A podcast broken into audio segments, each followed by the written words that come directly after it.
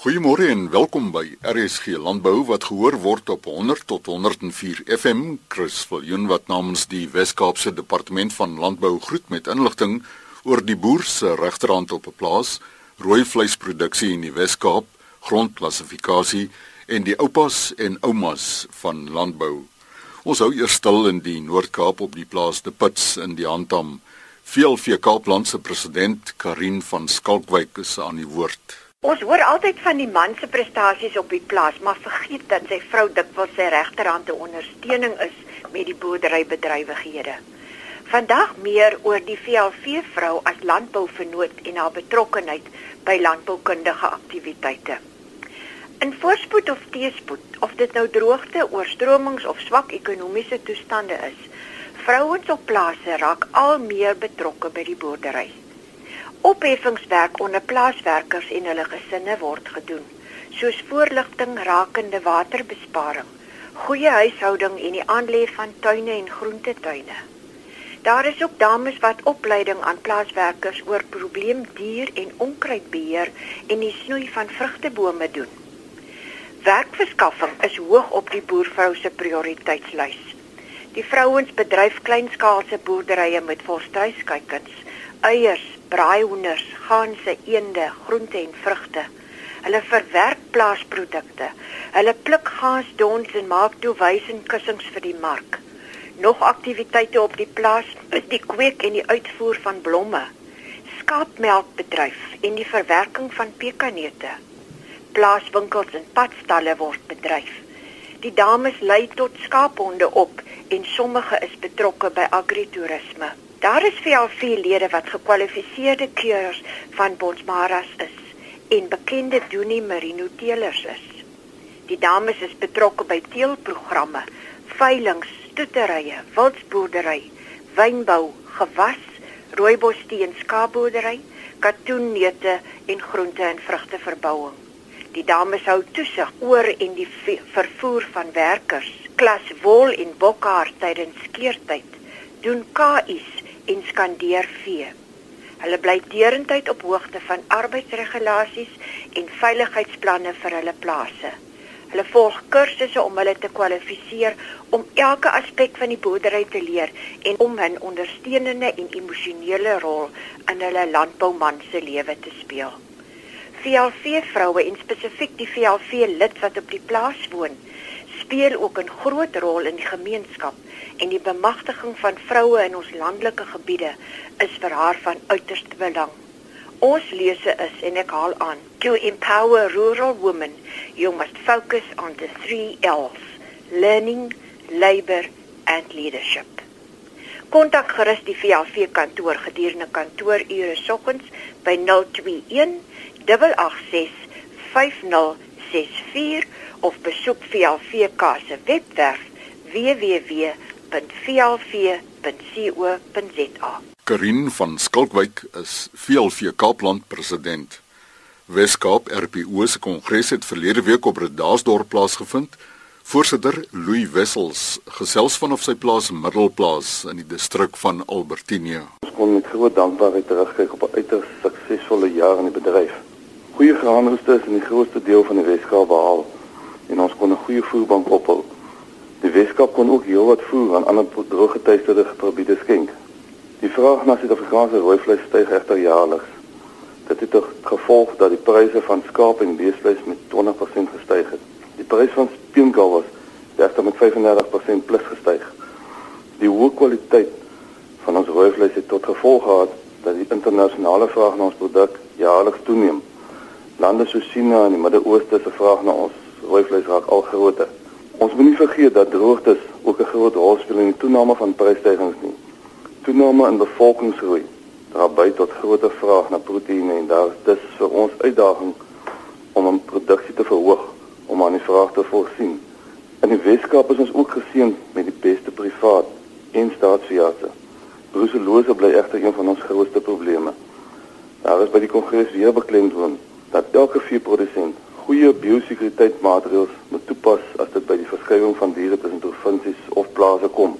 As ons kyk na hoeveel skade melkbore in die Weskaap die afgelope jare gevolg van bruselose gelei het, is dit ons plig om biosekuriteitsmaatreëls in plek te hê Dis vir die in Weskaap neem gelukkig nie dieselfde afmetings aan as in die ander provinsies nie.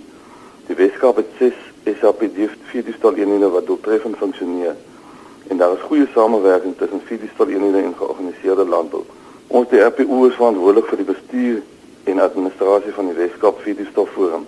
Probleemdiere bly egter een van die vier boere se grootste bedreigings. Rooi jakkals word al so ver as per dag stop en selfs tot klein Willem aangetref. Produsente het egter ingekoop van die protokol vir jagmetodes in die Weskaap en groot sukses word behaal. Dit daarby dat speenpersentasies verhoog en sodoende verhoog produsente se inkomste. Dis die RPO Weskaap wil graag elke rooi vleisprodusent bedank wat die afgelope jaar sy vrywillige bydrae gemaak het. Ons wil ook die invorderaars, agente, afslaers en abattoirs wat in hierdie invorderings namens die RP hanteer bedank. Ek wil ook graag elke bestuurslid van die RP Oorweeskap bedank vir die goeie samewerking deur die jaar en vir wat elkeen in die bedryf terugploeg. Dit maak van die RPO 'n sterk span en 'n provinsie wat van krag tot krag gaan. Die voorsitter van Weskaap RPO, Louis Wessels en sy telefoonnommer 0287352204. Oor wat grondklassifikasie alles behels, verneem ons van Dr Gary Patterson, senior navorser van LNR Instituut vir Grond, Klimaat en Water in Pretoria. Grondklassifikasie het begin in Suid-Afrika uh, basies in die 1930s met die groot uitbouing van besproeiingsstelsels. Dit was belangrik om die besproeibaarheid van daai gronde te bepaal. So dit was nie 'n formele klassifikasie op daai stadium, maar net in terme van die vermoë om die, die gronde besproei kan word. In die 1950s en 60s, daar was twee groot opnames wat uitgevoer was in KwaZulu-Natal, die Tugela Basin en die gronde van die Suikerlande. En die inligting uit daai twee opnames het gelei tot die formele grondklassifikasie wat ons uh, vandag gebruik. Die groot impetus was ook die landtipe opname van Suid-Afrika wat in die vroeë 70's begin het. En binne daai stelsel het grondkundiges nou na elke streek van Suid-Afrika gereis om om die land te klassifiseer en die gronde te kyk en die ekstra inligting wat uit daai opname gekom het, het gelei tot die baie bekende rooi boek wat in 1977 ja, die eerste uitgawe verskyn het. Van daai tyd af het ons ekstra kennis gebruik van die voltooiing vir die landtipe opname en ander opnames wat wat grondkundiges uitgevoer het. Die tweede weergawe van die boek was in in 1991 uitgebring, die bekende Blou boek. Hy is tans uh uitdruk uit, maar ons is besig op die oomblik met die derde uitgawe. Ons noem dit so informeel die Groen boek, maar ons weet nie wat 'n kleur dit gaan wees, maar dit gaan weer eens uitbrei op ons bestaande kennis. Uh die struktuur gaan so bietjie verander, maar nie veel nie en ons hoop om daai uh, volume in 2018 veral vir die begin van die nuwe akademiese jaar beskikbaar te hê. As ons kyk na grondklassifikasie, die rede waarom ons gronde klassifiseer is dieselfde rede waarom ons ander natuurlike aspekte klassifiseer soos bome en diere. Dis om kennis oor te dra en om inligting oor te dra.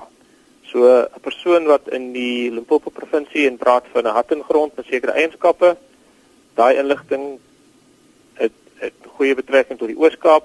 Iemand daar praat van 'n hattengrond met sekere eienskappe en daai inligting is redelik konstant.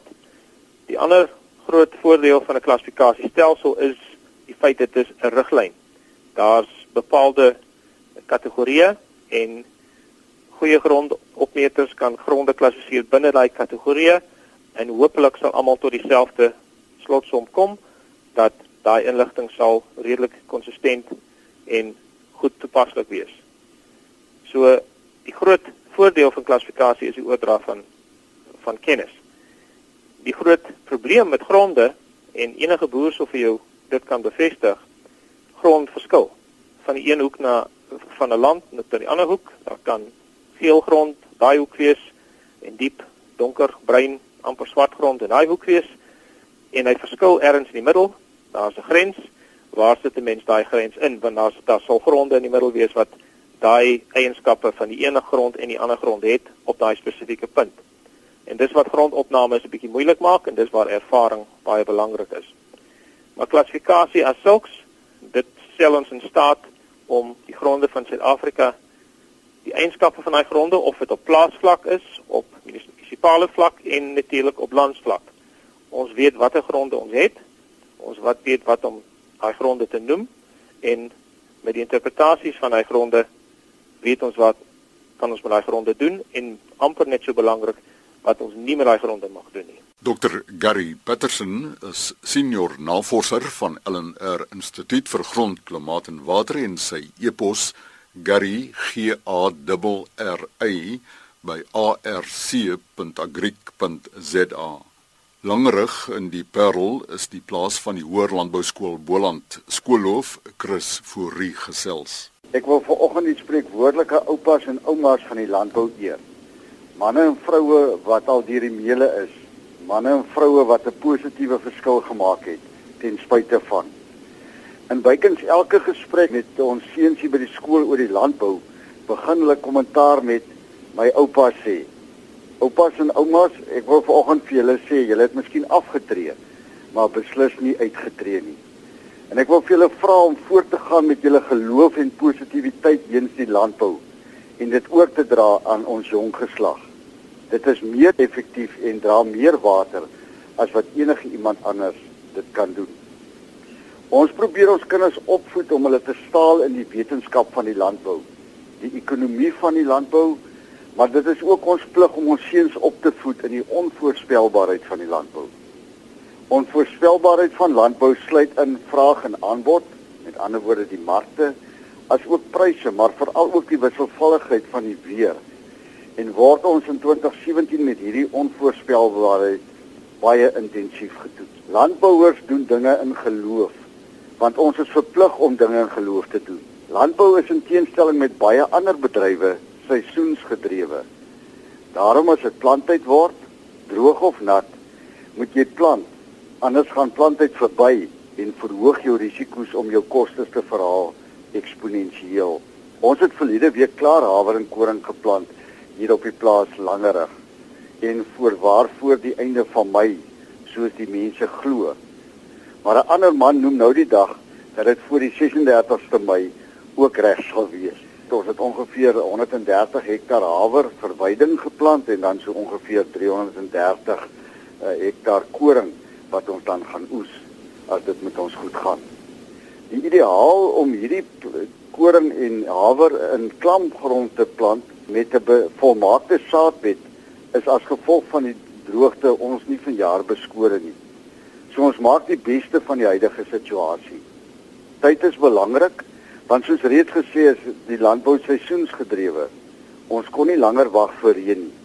Die probleem en dis deel van die risiko is planttyd is koste-intensief en impakteer negatief op jou kontantvloei.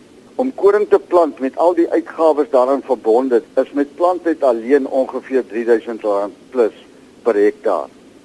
So die uitgawes spandeer jy in geloof wat jy net by landbouers kry want dit gaan reën. Ons plant met die geloof en daar kom 'n goeie oes. Ek wil vanoggend sê hierdie boera vir landbouers oor die geslagte heen. Hierdie boera vir boere, hierdie boera vir plaaswerkers vir hulle voorbeeld in geloof en in positiwiteit. Dit is onder andere ook hierdie dinge wat ons in 'n jaar soos 2017 vir ons seuns wil leer hier by Boland Landbou. Die skoolhoof van Hoër Landbou Skool Boland, Chris Fourie, die skool se e-posadres info@bolandlandbou.com in RSG Landbou môreoggend om kort voor 12 die Wes-Kaapse Prestige Landbou Toekenningsinisiatief vir 2017 is onderweg en dit streef daarna om erkenning te verleen aan werkers vir hulle aandeel in die landbou in die Wes-Kaap. Dit is regtig waar iets ongelooflik en dit en dit bou net ou se selfvertroue want 'n mens kan jy wil graag beter doen, jy wil graag nou meer doen, jy wil graag jou kennis deel, jy wil graag jou ervaring deel.